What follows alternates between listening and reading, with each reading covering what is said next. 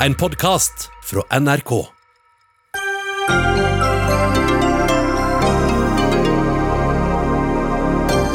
Ny teststasjon i Bergen rakk så vidt å åpne før det ble fullt. Og i Oslo meldes det om sju dagers ventetid på koronatest. Hvordan skal man drive smittesporing da, spør vi. En forelesningsvits om tyskere har fått eh, store konsekvenser. Spinnvilt at universitetet legger seg flat, mener kommentator. Kvinneopprør i Oslo moské. Vi må stille likestillingskrav for at trossamfunn skal få støtte, krever Oslos varaordfører Kamzy Gunaratnam. Og ei binne med to bjørnunger skal flyttes fra Bardu etter flere angrep på sau. Som en dårlig Disney-film, mener Senterpartiets Sandra Borch.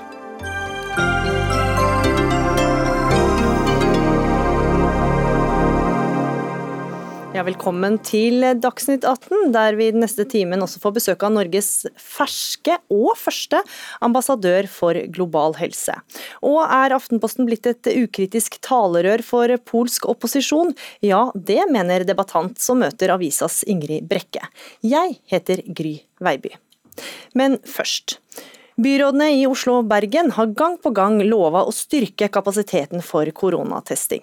I Bergens Tidende i dag kunne vi lese om stappfulle koronastasjoner allerede før åpning, og om folk som har blitt sendt hjem med tårer i øynene uten å ha blitt testa. Og i hovedstaden hører vi historier om syv dagers ventetid på å få ta test. Og en som har erfart dette, det er deg, Marie Haug, i Aftenposten i dag, som forteller om hva som skjedde da du nylig opplevde å få symptomer, og prøvde å bestille en legetime i Oslo. Hvordan gikk det for seg? Eh, nei, jeg booket da test via nettskjema og fikk en SMS eh, om at jeg kunne komme og få en test om syv dager. Eh, så vil det ta én til tre dager før man får testresultatet. Eh, så i verste fall så er det da ti dager før man vet om man har korona eller ikke. Eh, jeg tenkte at det er jo altfor lang tid, da hovedformålet med testingen er den smittesporingen.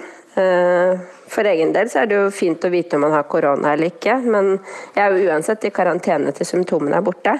Eh, men jeg tenker at hele poenget med smittesporinger forsvinner når det tar så lang tid. Hmm. Og Dette endte da altså med at du gikk privat og fikk tatt en eh, koronatest, eller skal ta en koronatest, men da fikk du problemer med å avbestille timen din. Ja, det greide jeg heller ikke eh, å få til. Så da står jo den timen der og gjør køen enda lenger. Mm. Og så ville du gjerne teste barna dine. Hva skjedde da? Eh, nei, Det viste seg at det var ikke mulig å gjøre via det nettskjemaet, så da må man ringe koronatelefonen og stå i lang, lang kø der. Mm. Hva bekymrer deg mest med situasjonen slik den er i dag? Jeg tenker at Når det er så vanskelig og tar så lang tid å få testet seg, så kan det jo tenkes at folk ikke orker. Hmm. Takk eh, til deg, Marie Haug. Vi skal over til deg, Robert Steen. Du er helsebyråd i Oslo Arbeiderparti. Altså, du hører om syv dagers eh, ventetid, vanskelig å avbestille timen sin. Hva sier du til det? Det er jo altfor dårlig. Eh, derfor har vi også satt inn en rekke tiltak i Oslo for å få opp testkapasiteten. Og I går, på tirsdag, så passerte vi det nasjonale målet på 1,5% av innbyggerne i byen. Vi testet litt over 1500 mennesker i Oslo i går, og det er nesten en dobling av uka før. Så nå begynner tiltakene forhåpentligvis å virke. Dette testskjemaet som eh, den som snakket før meg har eh, prøvd, lanserte vi på torsdag. Jeg opplever at det har vært tatt imot veldig, veldig bra. Man slipper å gå om en koronatelefon for å få en testtime. Man kan håndtere det selv, slik at flyten går videre. Så har vi på de dagene, og det er jo bare seks dager siden det eh, skjedde, sett at det har vært et par innkjøringsproblemer som vi kan lære av å gjøre bedre. For det første så eh, sendte vi alle med bil til Aker, og dermed så fikk man syv dagers ventekøer der oppe. Det er for dårlig, og det skal vi ordne opp i. Eh, og I tillegg så ser vi at vi også må ha en funksjon som gjør at du kan eh, ta og avbestille timer, som det også ble eh, referert til her. Dette er ting som vi regner med skal være på plass allerede i morgen. Så dette er jo en helt ny situasjon for oss som land, for byen osv. Her er det ting som vi definitivt kan gjøre bedre og prøver å gjøre bedre hele tiden. Men en ventetid altså på sju dager, hva, hva vil du si til det? Nei, det er altfor lenge. Og allerede i dag så er vi nede i en ventetid på mellom én og fire dager. Eh, så vi forbedrer jo dette fortløpende hele veien. Så hvis man eh, bestiller en time i dag, så vil man få en time i løpet av én til fire dager? Det garantert? Det er i hvert fall det som er mine beskjeder og det som har vært eh, mitt inntrykk i løpet av dagen i dag. ja. Mm. Minst 1600 har betalt seg ut av testkøen i Oslo den eh, siste uka, viser tall som NRK har samla inn. Hva vil du si til dem som har enten kjøpt seg ut av køen, eller de som ikke har hatt råd til det? Er det samme. Eh, dette her er ikke godt nok. Alle som ønsker seg en kommunal test og har rett på det, skal få det. Det er derfor vi utvider kapasiteten nå. Mm. Og du, Testkapasiteten er nå på 1,5 er det sånn? Mm. Mm. Hva betyr det egentlig? Det betyr at vi i Oslo i går testet 1500. Det betyr at vi ligger da på en takting på 10 500 mennesker, men denne kapasiteten er på vei oppover. Så jeg regner med at i løpet av denne uka så har vi en kapasitet på 12.200 tester i uka. Vil man noen gang kunne få en god nok testkapasitet? Per i dag så opplever jeg at vi har i overkant av 1000 mennesker hver dag som ber om test. Så sånn sett så tester vi i dag flere enn de som ber om det daglig. Sånn får vi køene ned og ventetidene ned. Mm. Vi skal til Bergen, og Beate Husa, du er helsebyråd eh, i Bergen og politiker fra KrF. Og I Bergens Tidende i dag så kan vi altså lese om at den nye drop-in-teststasjonen på Laksevåg ikke, nesten ikke rakk å åpne engang før det var fullt, og mange måtte bli sendt hjem med tårer i øynene. Hvorfor er ikke dere bedre forberedt? Jeg er jo veldig lei meg for at ikke vi ikke klarte å teste eh, alle de som kom til Laksevåg i dag. Men eh, det er fantastisk kjekt at så mange bergensere tar på alvor at de skal teste seg hvis de har eh, symptom eller mistenker at de har covid-19. Og På tross av en testkapasitet på over 2% så har vi altså ikke greid de siste dagene å ta unna køene. Og Det er jo derfor vi nå i dag åpner denne drop-in-teststasjonen på Laksevåg, som er åpen for alle, og som ikke vil sortere i kø køen, men bare tester de som ønsker det. Og Da ser vi for oss at vi raskt vil kunne få vekk den køen som er. Eh, Dersom vi har potensialet til å teste eh, per nå med den åpningen i dag, det er faktisk 4,3 eh, mm. men, men du hører jo at folk måtte snu og vende i døra. Hva vil du si til dem?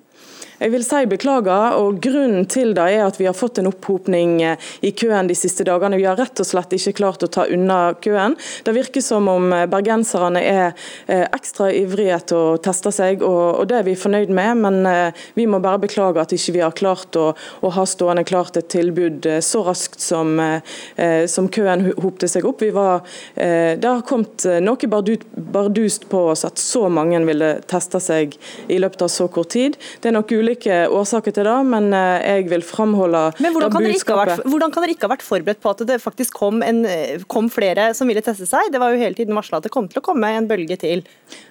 Vi har jo hatt en testkapasitet på over 2% så den har jo sånn sett vært, eh, vært, god. Men det virker å være flere i Bergen som ønsker å teste seg, enn det som virker å være i hvert fall i, i nabokommunene. og Da har ikke vi greid det. Vi har hatt fasilitetene stående klar, og vi har rekruttert mennesker som kunne ta unna køene. Men uh, at køen skulle hope seg opp så fort, det har vi rett og slett ikke forutsett. Mm. Akkurat nå så kom det også melding om at det er en student i Bergen som har testa positivt eh, for covid-19. Hvordan er er situasjonen med det? Eh, jeg har ikke fått den eh, beskjeden, men det er klart at hvis eh, dette er en smittesituasjon med ukjent smittevei, så vil det kreve smitteoppsporing. og Der har vi god kapasitet å jobbe kontinuerlig med å sørge for at vi får tatt kontakt med de som har vært i nærkontakt med vedkommende. Mm. Espen Rostrup Nakstad, nesten ikke vits å introdusere deg, alle kjenner deg nå. Fungerende helsedirektør. Altså, vi hører her om en som forteller om at det tok sju dager før eh, man får en test. og Dersom det da viser seg at man har korona, hvor mange kan man da potensielt smitte? Aller først har Jeg lyst til å si at jeg syns kommunene i Norge gjør en veldig god jobb med dette. her. Det er en veldig krevende situasjon for kommunene, både å teste så mange og skulle smittespore veldig mange. Det er en kjempejobb, og dette går bedre og bedre. Eh, og, eh, og, eh, det er en vanskelig situasjon som vi må erkjenne. Det er ikke noe quick fix, bare så det er sagt. Mm. Og så kan du si at ja, det får litt konsekvenser å vente på en test noen ganger, men hvis du er syk, så skal du uansett være hjemme. Så det er for så vidt selvsagt ikke noe ideelt, men, men det går fint i den settingen. Og så er det klart at Dette med smittesporing er viktig. Er, hvis noen har symptomer som har vært i kontakt med veldig mange mennesker, eh, så er det viktig å fort finne ut om de har korona eller ikke. Eh, det er jeg helt enig i. Og Det er det som er liksom det presserende oppi dette her. For Det er jo nettopp smittesporingen som er det viktige her. For Hvor utfordrende er det å spore smitten når det tar da lang tid før man faktisk får påvist at man har korona, selv om man da holder seg inne? Ja, Det er utfordrende på den måten at da kommer man litt sent i gang. Eh, sånn at eh, Det er liksom hovedårsaken til at det er viktig å kunne teste seg raskt og få et raskt svar. Eh, at man da kommer raskt i gang med smittesporing, og da begrenser man også muligheten for at andre blir smittet, selvsagt. Men Samtidig så er det viktig å si at, at det er noen som også ikke trenger å teste seg nødvendigvis, selv om det er mulig. Eh, og, og, Det er de som eh, for det første allerede sitter i karantene fordi de er nærkontakter. Hvis du da ikke har symptomer, ikke er syk, så vil ikke den testen hjelpe deg ut av den karantenen f.eks. Den har du uansett. Eh, så er det noen unntaksregler i dette med karantener, men for de aller fleste så er det sånn. Og, og Det andre er hvis folk er friske, ikke har vært nærkontakter, men bare lurer på om de er smitta så vil faktisk ikke en test kunne svare på det. Testen svarer bare på om du har viruset nedsatt den dagen og er smitteførende den dagen, men du kan bli syk om to eller tre eller fem eller ti dager likevel. sånn at det er ikke noe godt hjelpemiddel bare til å avklare om du er smitta eller ikke, hvis ikke du har en sterk mistanke. Mm. Så, så vi, det er litt viktig at vi nå prioriterer testingen til de som virkelig trenger det, og de som da står oppe i en smittesporing, det er de viktigste. De som har symptomer. Mm. Robert Steen, Dere er så opptatt av misforståelsene rundt tolkningen av disse reglene. Hvilke misforståelser er det dere opplever at det er ute der? Det er jo litt det samme som eh, Espen Nakstad er inne på. Eh, vi opplever at det er en del som nå ber om å få test fordi at de har symptomer på covid-19 og de må på jobb på mandag. Eh, og Det er et sånt eksempel som da egentlig felles av de nasjonale retningslinjene. Har du symptomer, så skal du få test, men du skal være hjemme til symptomene er borte. Selv om testen er negativ, så kan du allikevel ikke gå på jobb på mandag eller fredag eller hvilken dag det måtte være du skulle gå på jobb. Er du med symptomer, så skal du være hjemme. Du kan ikke teste deg ut av en sånn situasjon. Eh, og Det er nok en eh, liten misoppfatning som en del mennesker nå eh, har fått, og som jeg tror det er greit å få rydda opp i en gang for alle. Så håper jeg kanskje at disse beskjedene som vi gir nå, er med på å rydde i akkurat det. Så hvis man har symptomer, så skal man holde seg hjemme, uansett om man er positiv eller ikke? Nakstad? Ja, er, Vi har sagt nå at har du nyoppståtte luftveissymptomer, så skal du ikke gå på jobb eller ut i det offentlige rom. Eh, men hvis du da tror du kan ha covid-19, og da ønsker vi virkelig at folk tester seg hvis de tror det og har symptomer, så er det selvsagt viktig å få gjort. Men eh, men eh, det er viktig at man ikke smitter andre med forkjølelse på jobben heller, f.eks. Sånn at ved en negativ test, hvis du virkelig har hoste og harking, så bør du holde deg hjemme til du er frisk. Det er også en del av rådene fra Folkehelseinstituttet som gjelder i denne pandemien. Er det for å ikke ha så mye smitte generelt i samfunnet? Ja, det er bl.a. det. At vi vil unngå da eh, at alle mulige andre luftveissykdommer nå gjør at testbehovet blir ytterligere økt. Vi ønsker primært at det skal være lite luftveissmitte i samfunnet nå, sånn at vi kan fange opp de med covid-19 på en enklere måte. Men nå går vi inn i en høstsesong. Mange er småbarnsforeldre. Høstsesongen er synonymt med rennende neser og hoste og harke. Kommer disse rådene til å endre seg? Nei, for disse rådene er veldig gode. og Det er nyoppstått luftveisinfeksjon eller feber som er eh, det viktigste testkriteriet. Eller hvis man da har hatt veldig nær kontakt og tror man begynner å bli syk, så kan man teste seg. Og så er det gitt en veiledning på at barn som vanligvis har rennende nese på vinterstid, eh, og som ikke har nyoppstått luftveisinfeksjon, eh, de håndteres litt annerledes. og Da er det lov også til å se det an et par dager hjemme. Men har du nyoppståtte symptomer, og det kan holde med ett luftveissymptom eller feber, så bør du teste deg nå for at vi skal kunne fange opp de som, som har covid-19 i denne pandemien. Mm. Og I oppfølgingen av det så kanskje også vi kunne ta til orde for at eh, om du noen gang har lurt på om det er lurt å ta influensavaksine, så er kanskje tidspunktet for det akkurat nå i høst. Så jeg vil oppfordre alle de som har anledning til å vaksinere seg for influensaen i høst, også til å gjøre det. Det vil også være et godt tiltak i forhold til akkurat det som Espen Nakstad er inne på. Mm. Nakstad, I dag så kan vi lese en skrekkhistorie om en kvinne i Kina som selv aldri ble syk, men som smitta 70 andre etter å ha tatt heisen opp til seg sjøl for å være i hjemmekarantene. Eh, det er jo en helt sånn forferdelig skrekkhistorie, men hvordan kan vi unngå at dette tilsvarende en smittespredning i Norge? Nei, altså Dette er en sånn eksempel på såkalt superspreder. da, mm. antagelig En som har hatt veldig mye symptomer den dagen og, og mange uheldige omstendigheter. Men det aller viktigste, eh, viktigste, som vi fortsatt gjør i Norge, det er at folk passer på å følge disse vanlige reglene. Være hjemme når du er syk, eh, og teste deg selvsagt, sånn som vi ber om. Men ikke minst holde avstand til hverandre. Mm. Det er det viktigste. Og Så kommer dette med testing og smittesporing i kommunene, som på en måte eh, verktøy nummer to, som er kjempeviktig.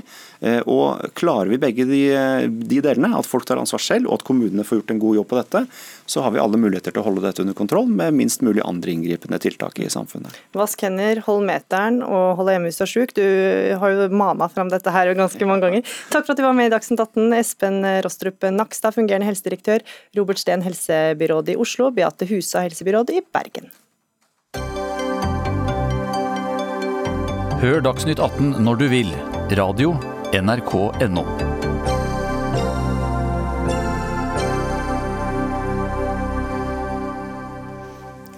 I dag har Norge fått en egen ambassadør for global helse. Stillinga er helt ny, og mannen som har fått jobben, det er deg, Jon Arne Røttingen. Fra 1.12 skal du altså lede arbeidet for en rettferdig fordeling av en eventuell eh, koronavaksine. Gratulerer med en ny jobb, og velkommen til Dagsnytt 18. Tusen takk for det. Hva går den nye jobben din ut på?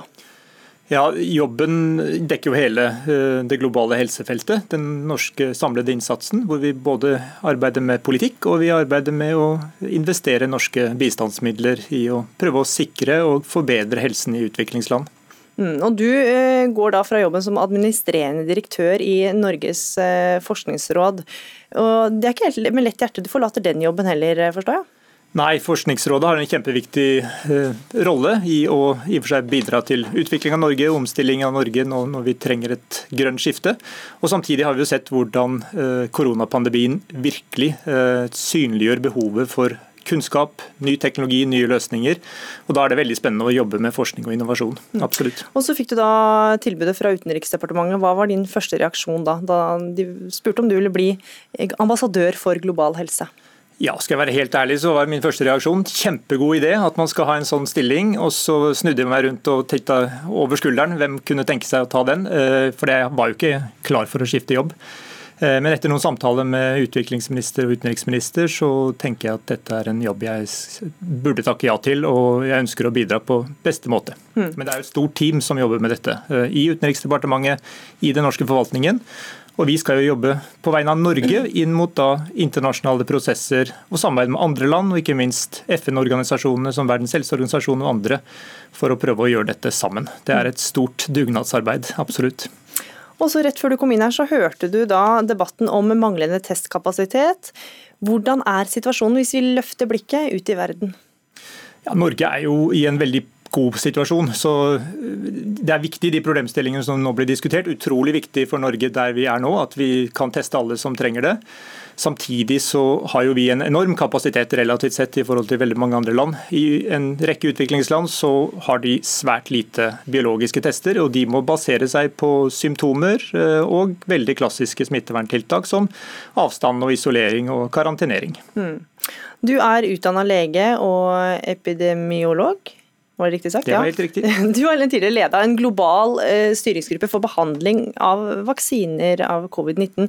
Hvordan er utsiktene for at det nå eh, blir ut, eh, utarbeida en effektiv vaksine mot korona?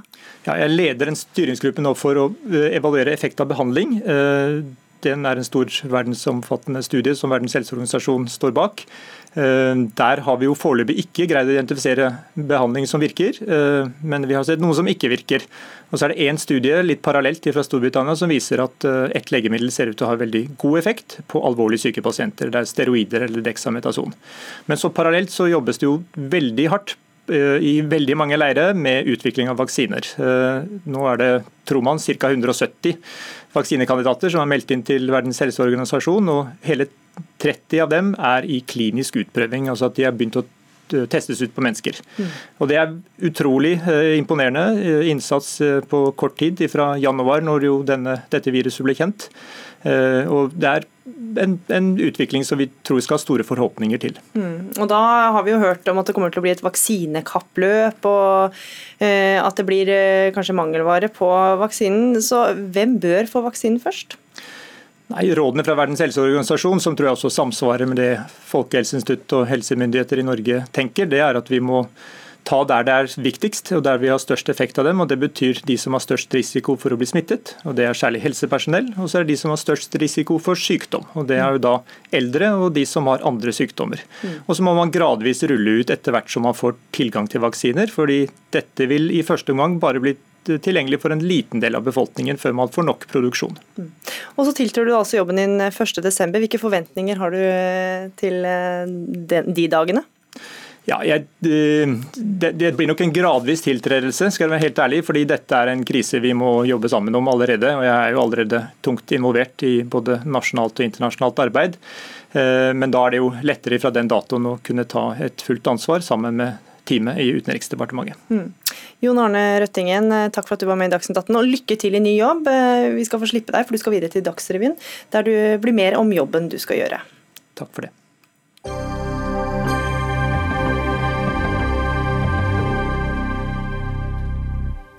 Flere reagerer på at Universitetet i Bergen eh, og hvordan de har håndtert en sak som starta med en tyskervits. Mer om den saken får du i Dagsnytt 18 litt seinere i sendinga. For nå skal vi til en helt annen sak. I Bardu har, en, eh, har ei binne med to bjørnunger tatt flere sau de siste åra. Derfor har klima- og miljøminister Sveinung Rotevatn bestemt at den lille bjørnefamilien skal flyttes fra beiteområdet og til et egnet sted. Statens naturoppsyn sier til Nasjonen at de aldri har flytta en bjørn med unger før. Og du sier at dette minner deg om en dårlig Disney-film Sandra Borch. Du er stortingsrepresentant eh, fra Senterpartiet. Hvordan gjør den det?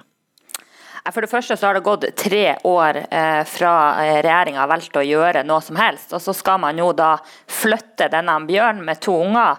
Og statsråden eller departementet kan heller ikke svare på hvor den bjørnen skal flyttes, hvordan den skal flyttes og når den skal flyttes. Og Det er derfor jeg har sagt at dette minner om en, en dårlig Disney-film, fordi at jeg tror dette bare er et vedtak for å skape, prøve å skape ro i media i saken. Mm, ja, men du, Hvorfor er det en dårlig Disney-film, eller hva er det de vil oppnå med det? Nei, For det første så mener jeg det er helt feil å skal bruke så store ressurser både i pengebruk og, og ressurser i SNO på å, å skal flytte denne når eh, det enkleste hadde vært å gi skadefellingstillatelse. Og så syns jeg det er veldig merkelig at man ikke har evna å gjøre noe på tre år. Nå er det bønder, eh, tre familier der oppe, eh, som opplever store tap år etter år. Og disse familiene har til sammen mista over 200 sau. Jeg skjønner at de er frustrert, og jeg eh, skjønner ikke hvorfor ikke departementet har gjort noe tidligere. Så jeg håper jo departementet kan svare med på når denne flyttinga vil skje skje, og hvordan den vil skje, og hvor bjørn skal flyttes. Mm, ja, Da går spørsmålet til deg, Maren Herslette Holsen. Du er statssekretær for Klima- og miljødepartementet og politiker fra Venstre. Hvor skal bjørn flyttes? Du, nå har vi et uh, oppdrag som vi har gitt fra oss til Miljødirektoratet og SNO uh, med å se på hvordan dette kan gjøres. Statens naturoppsyn. Mm. Ja, uh, fordi det er krevende situasjoner vi står i noen ganger når det kommer til rovdyrforvaltning. Eh, vi skal balansere et hensyn mellom hensyn til beitebruk på den ene sida og hensyn til rovdyr på den andre sida. Eh, og nå har vi en mulighet for å prøve et nytt verktøy, altså det å flytte eh, bjørnen. Jeg var sjøl i Bardu i juli og skjønner at dette er vanskelig situasjon for dem. Den binna med de to ungene skal ikke oppholde seg i beiteprioritert område. Derfor foreslår vi nå å flytte den. Mm, men hvordan, Det kan jo hende bjørnen kommer tilbake. altså Hvor langt skal man flytte den for å forhindre det?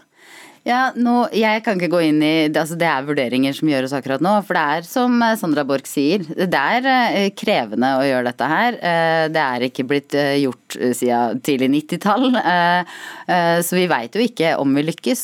Men jeg syns det er rart at ikke Senterpartiet også syns at det er nyttig å ha et nytt verktøy. Altså teste ut funker dette, eh, eh, så er jo det veldig bra. Mm, ja, Sandra Borch, du foreslår at man bare skal skyte bjørnene, men hvorfor ikke prøve å flytte dem? For jeg mener det er feil bruk av, eh, av offentlige ressurser, både med å, å, få leid inn helikopter og bruke ressurser i SNO på eh, det, dette oppdraget. Og så mener jeg at i beiteprioriterte områder, det står det helt klart i rovviltforlikene som har vært vedtatt, der skal det ikke være rovdyr. Og det er da jeg stusser på at det har gått tre år Tre år har det gått med denne bjørnen i dette beiteprioriterte området som har tatt over 200 sau, og så evner man ikke å i dag kunne svare på når flyttinga skal skje, eller hvor flyttinga skal skje. Og Det vitner jo, eller det bekrefter jo når statssekretæren her sier at dette er egentlig bare et vedtak som ikke betyr noe som helst, eh, i, i, i, hvert fall ikke dette året. Og, og jeg vil jo utfordre igjen hvor, eh, hvor, skal denne bjørnen flyttes, og når skal det skje? Mm. Vil det skje i høst, eller må bønder nå belage seg på nye angrep når høsten nå kommer og sauene eh, skal trekke ned fra fjellet? Hvor den skal flyttes vet jeg allerede at du ikke kommer til å få svar på, men når mm. kommer det til å skje? Holsen? Ja, nei, Vi eh, jobber for at dette skal skje eh, så fort som mulig, eh, og også eh, i beitesesongen som er nå. så er det sånn at ja, den bjørnen har vært i dette området i tre år. Det var eh, mye eh, tap til eh, rovdyr i 2018.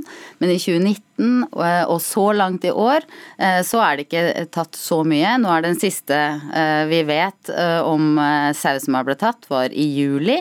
Så det er ikke en kritisk situasjon akkurat nå. Det jeg opplever at bønder der oppe er mest opptatt av, er at bjørnen skal vekk fra dette området. Og det tror jeg er viktig. Og da er det spennende, og, men krevende, å prøve å få til en flytting. Og så er det jo også bønder som har tatt til orde for at disse bjørnene bør skytes. Ja, det er klart at eh, Senterpartiet og mange andre mener at vi skal skyte. Så er situasjonen den at bjørnebestanden eh, er Det er altfor få eh, bjørn. Og vi er langt, langt unna å nå den, det bestandstallet vi har. Vi vet at binner er spesielt sårbare her. Det er de som reproduserer seg, naturlig nok. Og det går veldig sakte. De går med ungene sine lenge før de får nye kull. Så det å ta vare på eh, binner, og det å prøve å gå liksom en ekstra mil, prøve å gjøre eh, ekstra tiltak for å klare å eh, beholde eh, binna, som kanskje da kan eh, få nye eh, unger i et annet område, det er viktig. Vi har sagt at den skal flyttes til et bjørneprioritert område, og vi er tydelige på at kommunene selvfølgelig i forkant skal få vite hvor dette er. Mm. Borch, skyting av bjørner er jo deres løsning, men skytes disse bjørnene, så forsinkes vi altså ti år med å nå bestandsmålet for bjørn. Er det greit? Nå er ikke dette en, en, debatt om bestandsmål, men jeg tror vi er ganske mange som kan diskutere eh, om eh, man faktisk har det reelle, eh, oppriktige bestandsmålet eh, på bjørn i dag. Eh, vi mener jo at det finnes langt mer bjørn enn det eh, de offisielle offentlige tallene viser, fordi at tellemetoden på bjørn i Norge i dag er ganske avansert. Men nå er det jo de, de offisielle tallene vi bruker, da?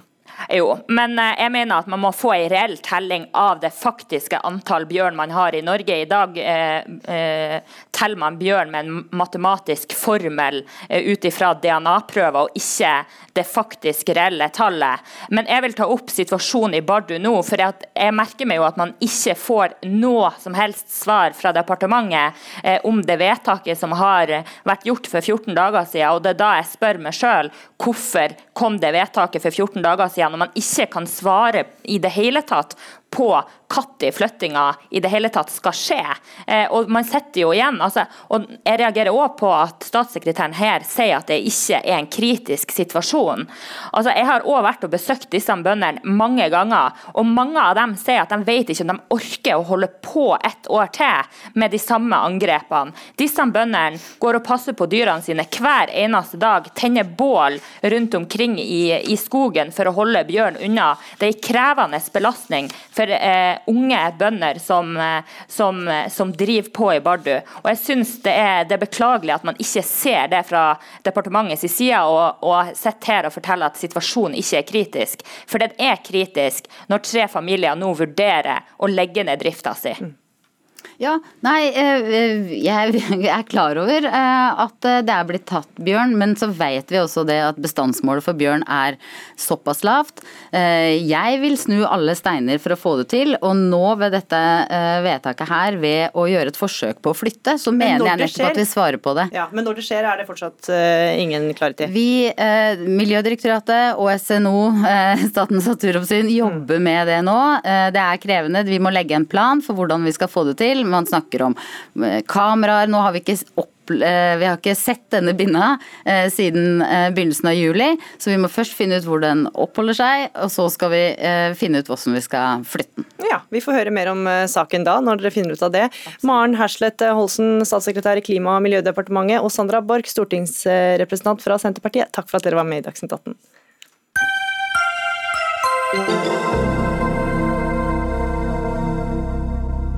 Den siste tida har vi kunnet lese om et kvinneopprør ved en moské i Oslo. Da det var valg til en nytt styre, forteller flere av kvinnene i moskeen at de ble stoppa i døra. Det skriver Aftenposten, og det setter nok en gang fyr på debatten om trossamfunn og statsstøtte. For eh, Kamzy Gunaratnam, du er varaordfører i Oslo for Arbeiderpartiet, og i et innlegg på Facebook så utfordrer du barne- og familieministeren til å sette likestillingskrav til trossamfunn for å motta statsstøtte. Hvilke konkrete krav er det du etterlyser? Ja, så Disse norsk-somaliske kvinnene er jo ute og tar en kvinnekamp som selvsagt må komme innifra. Og så er spørsmålet hva er ansvaret vårt som politikere? Og som politikere så skal vi både heie, men også komme med politiske tiltak. Og et av kravene eh, Arbeiderpartiet har prøvd å fremme på Stortinget, er jo 40-60. Minst 40-60 kjønnsfordeling. Mm. Og dermed kutte statsstøtten hvis man ikke ikke eh, oppfyller det. Og Det tror jeg kunne vært eh, viktig eh, rom vi kunne skapt for kvinnene, og det hadde også vært et viktig skritt i riktig retning. Mm. Ida Lindtvedt Røse, konstituert barne- og familieminister fra KrF. Hvordan skal man få flere kvinner inn i styrene i kirker og moskeer om man ikke stiller krav til når de får statsstøtte? Jeg er jo helt enig i at vi må ha flere kvinner i styrene i trossamfunn, og heier på kvinner i, i trossamfunn, men jeg mener det er helt grunnleggende feil at vi skal eh, gripe inn i trosfriheten på den måten. Altså man kan stille seg spørsmålet eh, hvilke andre områder er det Arbeiderpartiet ønsker å stille krav til trossamfunn for at man skal få statsstøtte, og, og dermed griper inn i trosfriheten. Og det ja, mener jeg vi skal vokte oss veldig vel for, fordi mm. at uh, trossamfunn og trosfrihet er en helt grunnleggende menneskerettighet og, som står veldig sterkt i vårt uh, demokratiske samfunn. Og hvis det skal være sånn at for å få støtte, så skal man være enig med Arbeiderpartiet i alle mulige saker, så vil det utfordre trossamfunn og trosfriheten. Men hvordan utfordrer det trosfriheten? Det kan være teologiske grunner til at kvinner og menn ønsker å være en del av trossamfunn som ikke har kvinner som eh, talspersoner. Nå er jeg uenig i det personlig, men som politiker så ønsker jeg ikke å gå inn og overstyre folks teologiske standpunkt og trossamfunns ulike standpunkt i sånne saker. Mm. Istedenfor så ønsker jeg å heie på kvinner som tar en kamp innad i sine trossamfunn. Det tror jeg er den eneste og riktigste måten for å få opp kvinneandelen, og for å sikre at kvinner tar en viktig og riktig del i sine trossamfunn. Mm. Men vi er ikke politikere bare for å sitte og heie på sidelinja, vi må også fremme politiske tiltak. Det å revurdere statsstøtten til eh, trossamfunn som fremmer antidemokratiske verdier, er ikke helt fremmed for KrF. KrF da Kropstad ba fylkesmannen i Oslo revurdere støtten til eh, Jehovas vitner i fjor. Og så mener jeg det er helt riktig. Trosfrihet og religionsfrihet er kjempegrunnleggende. Nettopp derfor burde vi gjøre noe mer for å skape rom for disse kvinnene. For hva er det disse kvinnene ber om? Jo, de ber om endring. For du Hvordan... mener ikke at det griper inn i eh, trosfriheten? Nei, det gjør det ikke. fordi altså, Hva folk tror på, det er en privatsak. Men hvordan du bruker din tro til å tre over andre mennesker, det blir en offentlig sak. For vi skal ikke tillate det at folk folk griper inn i hvordan andre praktiserer eh, sin tro. Disse kvinnene de ber om endring. Hva er det vi, hva er det jeg og Ida kan gjøre for disse kvinnene? Jo, vi kan skape det rommet for å skape den endringen. Og det skjer bare ved at kvinnene kan være i det rommet hvor de bestemmer. Mm. Jeg er uenig i det. For det første så er trosfriheten det handler om at man skal kunne tro hva man vil, og man skal utøve den troen på den måten som man selv ønsker. Det er helt frivillig å være en del av et trossamfunn. Men det er også frivillig og, å ta imot statsstøtte. Man kan jo si at ja, vi velger å leve etter andre spilleregler, derfor sier vi fra oss fra statsstøtten. Ja, og Det er nettopp dette som er utfordringen. for Hvis man stiller det kravet, så har man to problemstillinger. Det ene er at man kan få et styre som ser fint ut på papiret, men at beslutningene blir flyttet et helt annet sted, og at vi dermed egentlig gjør disse kvinnene en bjørnetjeneste ved å frata dem muligheten til reell innflytelse i sitt trossamfunn. Eller så kan det skje at uh, trossamfunnet sier nei og ikke stiller krav til å motta motta statsstøtte, og at de dermed fjerner seg, og vi fjerner den dialogen, og at avstanden mellom trossamfunnet og storsamfunnet blir enda større. Og det er ikke det vi trenger, det er ikke det disse kvinnene trenger hvis man skal få en riktig plass i sitt trossamfunn. Ja, Gunnar Atnan, da vil det være vanskelig å holde kontroll også? Nei, det tror jeg faktisk ikke. Fordi vi har norsk likestillingshistorie som ekte bevis, hvor man har vært imot eh, enkelte bevegelser, da, uten å peke på noen, i Norge som har vært imot en rekke likestillingstiltak. Men vi ser resultatet i dag. Likestillingstiltak har vært et resultat av både kvinnekamp, at kvinnene har fremmet det sjøl, men også fordi resten av samfunnet også har fått hva skal jeg si, tilrettelagte system og insentiver som har ført til at Norge er der vi er i dag. Men det kan ikke være sånn at hvis man skal være et trossamfunn i Norge så man må være enig med Arbeiderpartiet i Arbeiderpartiets politikk. Og jeg ønsker å utføre ok, nå er det kvinneandel i styret, men hvilke andre krav er det Arbeiderpartiet ønsker å stille til ulike trossamfunn? Men er ikke likestilling også deres politikk, da? Jo, likestilling er kjempeviktig, men som trossamfunn så har vi stor toleranse for at trossamfunnene skal kunne organisere seg selv, nettopp fordi det handler om trosfrihet, og at trosfrihet er en grunnleggende menneskerettighet som er et solid fundament i vårt demokrati. Og da kan vi ikke som politikere gripe inn i trossamfunnene på denne måten. Trosfriheten går ekstremt langt. Det viser jo nettopp når, når Ropstad spurte fylkesmannen om det var grunnlag for å trekke tilbake statsstøtte, noe det ikke var i det tilfellet. Og Det viser nettopp at det å gripe inn i trosfriheten, det skal vi vokte oss vel for å gjøre, nettopp fordi trosfrihet er så viktig. Det er en grunnleggende menneskerettighet som vårt samfunn er bygd på. Mm. Og vi skal ikke som politikere overstyre ulike trossamfunn i deres teologiske standpunkt. Arbeiderpartiet mener at inkludering og likestilling er de grunnleggende verdiene samfunnet vårt skal styres etter. Tros- og religionsfrihet er kjempeviktig, men det kan, være, det kan umulig være en realitet for enkeltmennesket hvis vi lar folk bruke trossamfunn til å tre verdier nedover uh, hodet på folk. Men Gunnar Atnam, Vi har hatt lignende debatter i Dagsnytt 18 tidligere, mm. og da har flere trossamfunn eh, sagt at de gjerne vil at kvinner skal ta på seg lederverv, men at det er vanskelig å få dem til å gjøre det. Hva er løsninga da? Ja, da har, Det har vi hørt i alle år, også i Norge, i liksom, uh, næringslivet og alle andre steder. Jeg tenker at insentiver, det handler om økonomiske insentiver. Det handler om å ha eh, Vi har bl.a. foreslått likestillingspott, hvor du kan søke om eh, penger for å sette i gang ulike kreative tiltak. Vi ber om integreringsarbeid, sånn at man ikke driver segregerte samfunn. Det er mange insentiver man kan gjennomføre. Pengene kan tilrettelegge for det. Mm. Og så mener jeg vi gir nesten 3 milliarder kroner til ulike trossamfunn i Norge i dag.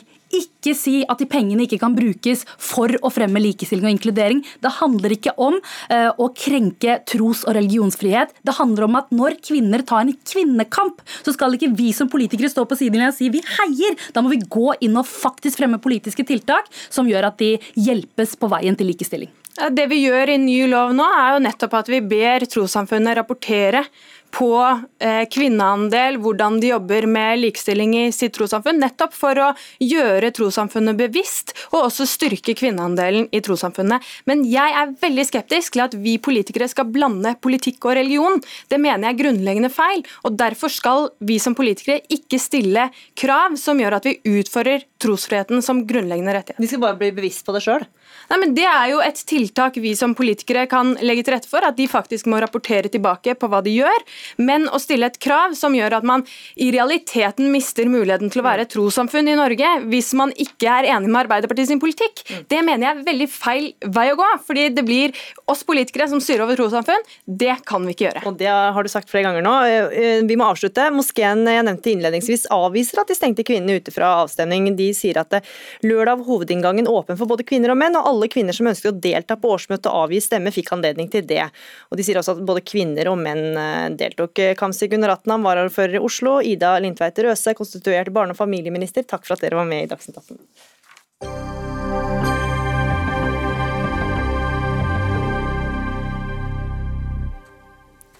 Aftenposten er blitt et ukritisk talerør for polsk opposisjon, og dens nyhetsanalyser er nesten blåkopi av artiklene skrevet av opposisjonsvennlige polske skribenter. Ja, Det kunne vi lese i et debattinnlegg i Aftenposten i forrige uke, hvor det trekkes fra eksempler dekning av sommerens presidentvalg i Polen, hvor den sittende presidenten eh, Duda gikk av med en knepen seier. Og Afrodita Papadopoulou du er polsk og bor i Norge. Hvordan mener du at Aftenposten er et ukritisk talerør for polsk opposisjon? Eh, før jeg går direkte på det spørsmålet, så har jeg lyst til å sitere eh, kommentar til Ingrid Brekke, som eh, kommenterer sine egne artikler i Aftenposten. Nesten hver gang jeg skriver noe om Polen, føler jeg på det urettferdige i svart-hvitt framstillinger. Jeg tegner altså et ganske så dystert bilde. Jeg syns det sier ganske mye. Og problemet er at det bildet er ikke ekte bilde, det er falskt bilde.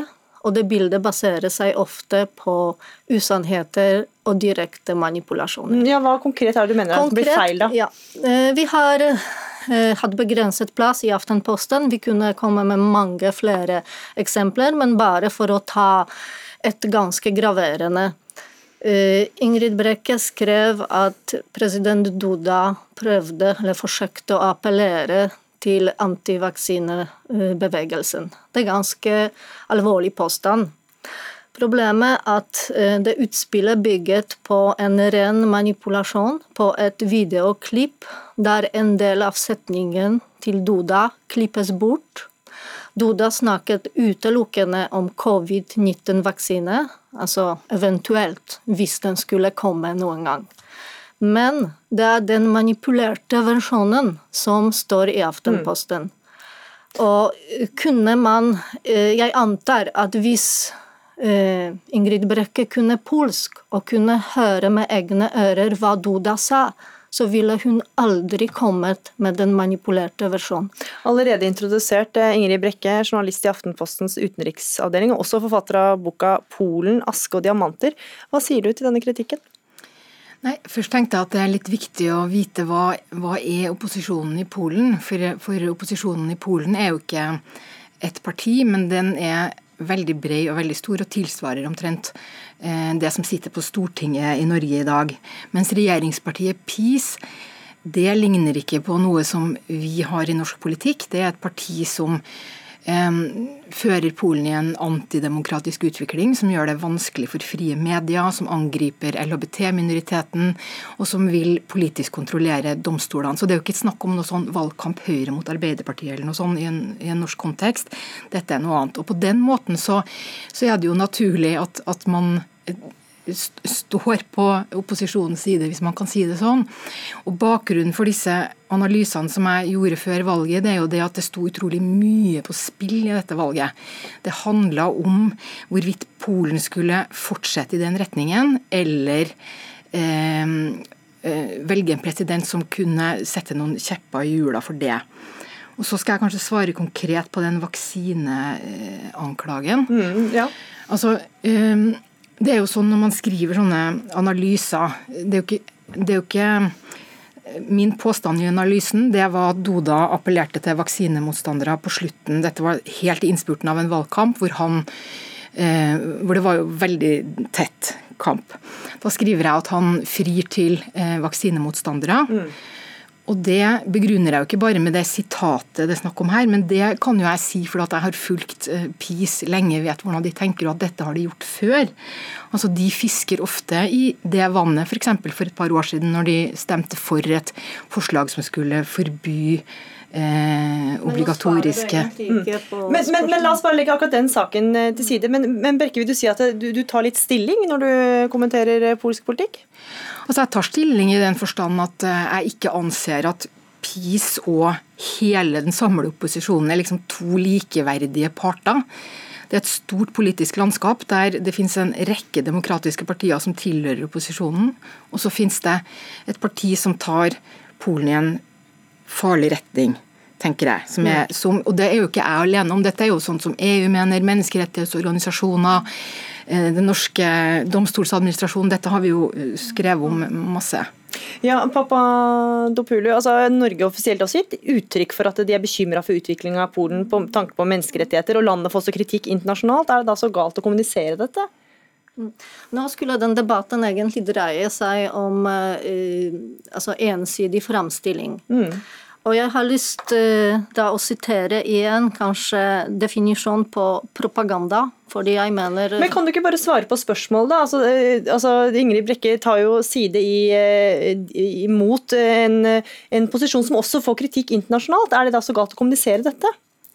nei, altså vi må ikke bli misforstått. Altså vi ønsker kritikk. Men kritikk skal være basert på fakta. Den skal være objektiv og ikke basert på eh, manipulasjoner eller usannheter. Og det er det som skjer. Pluss at uh, norske lesere fortjener et balansert bilde av situasjonen i Polen. Det vil si bilde som belyses fra begge, siden, begge sider. Så hva skulle du ønske Aftenposten hadde gjort annerledes, da? Uh, Altså det, det, tror jeg står til og med i en uh, bok for uh, journalister. Altså man skal belyse saker fra begge sider. Man skal snakke med folk fra begge sider. Man skal ikke gjengi bare én side, en sides argumentasjon. Og uh, man skal ikke vise virkeligheten i svart-hvite bilder. Mm, mm. Og det er det som, som, skjer i dag. Og hvis man skulle jeg, jeg sier, Hvis jeg skulle liksom identifisere problemet, så for det første så er det språket. fordi hvis man skal, Det må være et minimum hvis man skal bevege seg i et politisk landskap. Og særlig i et land hvor debatten, den politiske debatten er tilspisset til de grader, og hvor det brukes manipulasjoner, løgner, på begge sider så må man ha gode språkkunnskaper for å kunne navigere. Men i tillegg det er noe som heter kildekritikk og kildevalg. Mm. Altså Brekke velger veldig mm. bevisst kun kilder fra den ene side. fra mm. den ja, Da må jeg høre med deg, Brekke. Hvor mye har du gått inn i den andre siden av dette her? Altså, jeg har jo gått inn i den andre sida på den måten at jeg kjenner PiS eh, godt og har studert hva partiet holder på med eh, lenge. Mm, og For å forstå hvorfor velgerne faktisk stemmer på PiS? da? Ja, altså, Hvis jeg skal ta noe kritikk på vår dekning, så vil jo jeg tenke at det vi kunne gjort, det var jo spesielt hvis det ikke hadde vært korona, så hadde vi jo antagelig dratt til Polen, og da hadde vi gjort akkurat det. Vi hadde spurt folk hvorfor stemmer de på PiS. Eh, og da hadde vi fått noen svar som ikke handler om at eh, halve Polen hater homofile, eh, eller at man vil kontrollere at regjeringa skal kontrollere domstolene, men da hadde det handla om økonomi. Fordi PiS har gjort masse i Polen som gjør at fattige folk er mindre fattige. Og, og, det kunne vi gjerne ha vist frem. Men jeg syns også dette er en interessant og illustrerende debatt fordi Polen er helt ekstremt polarisert. Og det er ingen måte jeg kunne skrevet om dette på, sånn at du syns det var riktig fremstilt, tror jeg.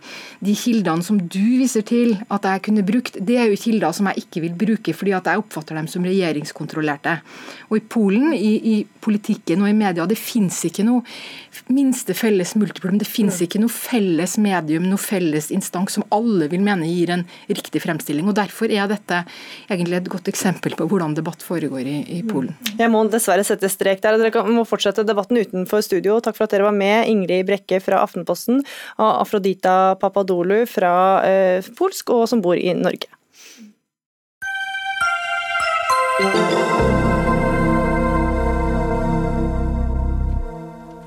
Da skal vi til en mye omtalt vits. De har vært her eh, før, og nå sniker de seg inn igjen. Ja, det var spøken som falt under en forelesning ved Universitetet i Bergen, som siden skulle vise seg å få store konsekvenser. For en tysk student ved universitetet følte seg krenka, universitetet beklaga, og professoren som kom med vitsen fikk undervisningsnekt i et halvt år. Og nå har studenten fått erstatning fra universitetet for mediepresse, blant annet, som han var, eh, har vært utsatt for. Og Eirin Eikefjord, du er politisk kommentator i Bergens Eh, Tidende. Denne saken er både spinnvill og bekymringsfull, skriver du. Hva er det du reagerer på? Ledelsen på universitetet de har egentlig tre oppgaver i denne saken. De skal beskytte den som varsler, de skal ivareta professoren, og så skal de forholde seg prinsipielt til klagen. Og I denne saken så tenker jeg at de har svikta på absolutt alle punkt. Og Hovedproblemet er egentlig begrunnelsen for den beklagelsen som ble gitt på vegne av professoren. Og Så legger de til grunn da at det er en dårlig vits, og de vet at professoren ikke mente å krenke noen, skriver de. Men likevel så er det at studenten følte seg krenka, og da eh, anser de det som en plikt som leder å beklage. Mm, ja. Og det er her jeg tenker at det gikk skikkelig galt. Mm. Dag Rune Olsen, du er rektor ved Universitetet i Bergen. Hvorfor eh, valgte dere å beklage overfor studenten? La meg først si at uh, underviseren, professoren, er ikke ilagt undervisningsnekt, slik eh, det kom fram i innledningen her. Men han kommer nok ikke til å undervise i det semesteret som vi er inne i nå. og Det er jo også fordi at det har vært belastende for, for han, og det vil være krevende å stå i en undervisningssituasjon i etterkant av alt det mediepresset som har vært. Mm, så tilbake til studenten. Hvorfor har dere beklaga overfor studenten? For å komme til den saken, så er jeg helt enig i at eh, vi kunne ha håndtert denne saken annerledes og bedre, ikke minst i dialogen med Eh, de berørte partene, altså eh, studenten og, og, professoren som det har vært eh, innlevert klage på. Og Noe av det som jeg tror vi skal lære av denne saken, det er at når vi tar imot varsler av denne art, så er det ikke nødvendigvis slik at det er et ønske om å eller et behov for å si fra at man er trakassert Eh, men det er også en mulighet for å si fra om at man er misfornøyd med situasjonen slik den er i f.eks. undervisningssammenhengen. Mm. Og så tilbake til spørsmålet mitt i dag, Rune Olsen. Hvorfor har dere beklaga overfor studenten? Jo, eh, Beklagelsen overfor studenten jo, den har kommet fordi at vedkommende synes det har vært, krev, at det har vært krevende å sitte i undervisningssituasjon. Og det er klart at For et universitet så er vi ekstremt opptatt av at vi skal kunne levere god undervisning i en, et miljø som faktisk er lærende for um, studentene. Og Hvis man føler seg krenket eller uh, Eh, hva det måtte være, så vil ikke det være et godt læringsmiljø. Så Vi er opptatt av å både uttrykke oss, legge til rette for alt vi gjør i undervisningsrommet. Det handler jo om å lage et så godt læringsmiljø som overhodet mulig. Men Hva vil du si til dem som mener at denne saken går på, på bekostning av ytringsfriheten? Eh, det har eh, blitt en uheldig hva skal vi si, vinkling av denne saken i, i så forstand. fordi det er jo ikke slik at studenten og, og, advokaten til studenten har ønsket at det skal bli en ytringssak. De har klaget på et arbeidsmiljø. Hos oss er det åpenbart at, eh, og det er nedfelt i Grunnloven, paragraf 100, ytringsfriheten den skal råde. Og På et universitet så har vi også mer enn det. Vi har altså en akademisk eh, eh frihet som gir oss både økt ansvar, men også økt frihet til å mene til å ytre. Det er en del av eh, den jobben som vi har. Men så er det jo også slik at eh, et undervisningsrom er jo ikke først og fremst et sted der hvor professorene eh, ytrer meninger. Vi har mange kanaler for å ytre meninger, f.eks. i Dagsnytt 18 eller kronikker eller i mange konferanser. I læringsrommet så er det vi gjør, det er det aller, aller viktigste for at studentene skal lære. Og Det er vårt fokus. Hvordan vi ytrer oss der er viktig for hva studentene lærer. Og Derfor er det også viktig at vi legger det til grunn. Jeg må avbryte deg der, ja. Dag Rune Olsen. Vi skal ta inn en uh, tredjeperson. Steinar Vagstad, du er professor i samfunnsøkonomi og hovedtillitsvalgt for Forskningsforbundet. Hvilke konsekvenser mener du denne saken kan få? Forskerforbundet. Uh, jeg har, jeg har, først lyst til å kommentere på det som Dag Rune sier når det gjelder eh, læringsmiljø. Eh, jeg vet ikke hvor mye han har undervist på et universitet. Eh, både Svein Larsen, som er den anklaga professoren her, og jeg har undervist eh, til sammen i sånn, rundt 50 år eller noe sånt på universitetet. Det som er vanskelig når en underviser, det er faktisk ikke å lese opp en tekst, men det er å fange oppmerksomheten til studentene og holde på den. Relevante og gode og viser seg å være veldig effektive virkemidler for å oppnå akkurat det, det er å bruke fleip, du bruker vitser, du forteller anekdoter, du overdriver. Du, du driver med milde provokasjoner for, for, for, for å vekke studentene. Eh, så den ideen som ser ut til å ha festa seg hos eh, folk på ledelsessida her, det er jo at eh, et godt universitet det er en plass der alle studenter har gått igjennom, og ingen har noensinne blitt provosert eller utfordra på noe som helst. Jeg synes det, eh, det høres, jeg kan aldri tenke meg at studenter vil synes at et sånt universitet er en riktig plass. Nå må det selvfølgelig legges til at det er ikke noe mål når en driver et universitet eller driver undervisning og, og, og krenker folk. Eh, det, det, det er snarere det motsatte. Eh, men det er av og til sånn, en, en kjenner pulsen på situasjonen i auditoriet. Eh, og, og en, en, kjenner ikke de studentene du står overfor 100% så det er ikke til å unngå at noen folk av og til føler seg krenka. Mm, og Det kan fort bli et eh, ganske kjedelig læringsmiljø, Dag Rune Olsen? Nei, jeg er jo faktisk helt uenig her. fordi Det er jo ikke slik at det er bare det å holde oppmerksomheten til studentene som er krevende. Det er jo slik at Vi går inn i en dialog med studentene eh, for å stimulere til deres refleksjon og til deres læring. Og da har jeg jo lyst til å si at Måten vi opptrer på i det undervisningsrommet, det skal jo også stimulere til studentenes eh, ytring. Det at de tar del og kommer med sine synspunkter og sine ideer, er jo veldig viktig for deres refleksjon og deres læring. Og Da må vi også ytre oss på en sånn måte at vi ikke stenger ned, begrenser deres ytringsrom og studentenes ytringsfrihet. Det er også et aspekt oppi dette her. Jeg ser jo at eh, Vagstad sier til Universitetsavisa i Trondheim, hvor han trekker fram noe som jeg går ut fra er et ideal for han. Eh, det går gjetover om en nå avdød professor på Universitetet i Bergen som fornærmet folk på, på løpende bånd. Jeg er jo ikke sikker på om det er det pedagogiske grepet jeg ville ha brukt. Og jeg foreleser, jeg skal vel forelese neste uke, mm. og har relativt god erfaring i å forelese. Det kan være slik, og som Meilfjord også påpeker jeg, i sitt ja, eh, innlegg, ja, må, at folk oppfatter vi, vi, rekker ikke å ta hele den runden der. Jeg må spørre deg, Eirin Eikefjord. Hvordan mener du universitetet burde håndtert denne saken? Eh, jeg tenker at eh, det er nødt til å være en objektiv standard for hva som er en krenkelse. Og særlig når man har med en kunnskapsinstitusjon å gjøre. Og Det er jo helt forståelig at noen blir lei seg og støtt, men det er subjektive følelser kan jo ikke legges til grunn når eh, konsekvensen er en formell beklagelse og erstatning fra et universitet. Mm. Og så tenker jeg at Å se prinsipielt på den saken der er jo ingen motsetning mellom å ta klagen alvorlig, heller ta en prat om humor og profesjonalitet og folkeskikk og rolleforståelse og alt dette denne saken egentlig inneholder. Men når man baserer en formell beklagelse på såre følelser, så syns jeg medstedene ikke skal være. Hmm. Birte Eriksen, jeg skal ta... Vi har, altså ikke, vi har ikke gitt erstatning, men vi har altså gitt en økonomisk kompensasjon, sånn at studenten hadde anledning til å, å ta advokat, som vedkommende ønsket i, i denne sammenhengen. Mm. Og Vi skal ta inn advokaten. Det er deg, Birte Eriksen. Du representerer studenten som også har meldt ifra.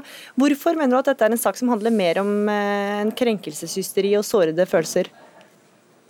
om jeg mener at det er det. Um, vel, det er vel mer et spørsmål om Nå har jeg fulgt denne saken og fulgt min klient over lang tid, og dette har vært en vanvittig krevende situasjon og, og sak å, å, stå i så lenge. Vi snakker om medieoppslag i over 200 stykker i inn- og utland. Eh, en, en, student som har stått alene veldig veldig lenge. Og Det er noen stemmer som vi ennå ikke har hørt, men som jeg har hørt det nettopp nå er på vei inn i debatten. og det er studenter og representanter av, fra eh, studenter også. For nå er det mange av de som er ganske redde og engstelige for hva de kan risikere hvis de forsøker å, å, å reise kritikk eller komme med kritiske ytringer. Og Det er definitivt, og veldig glad for at eh, rektor selv sier det, at det er også et veldig viktig perspektiv på ytringsfriheten eh, i, i denne saken. Det som nok har kommet som en overraskelse, det er at universitetet har etablert en kanal hvor man, hvor man inviterer studenter til å komme med kritiske ytringer, kritisk informasjon. Og så har man kanskje ikke helt sett konsekvensen og rekkevidden av dette. Denne saken har avdekket at man kanskje må gå gjennom rutinene sine, systemene sine. Se på hvilken backing, ressurser, eh, ledere som sitter på institutter eh, skal ha når de tar imot og håndterer denne type saker. Mm. Og da må jeg spørre deg, Dag Rune Olsen. Syns du, hvordan syns du dere har håndtert denne saken?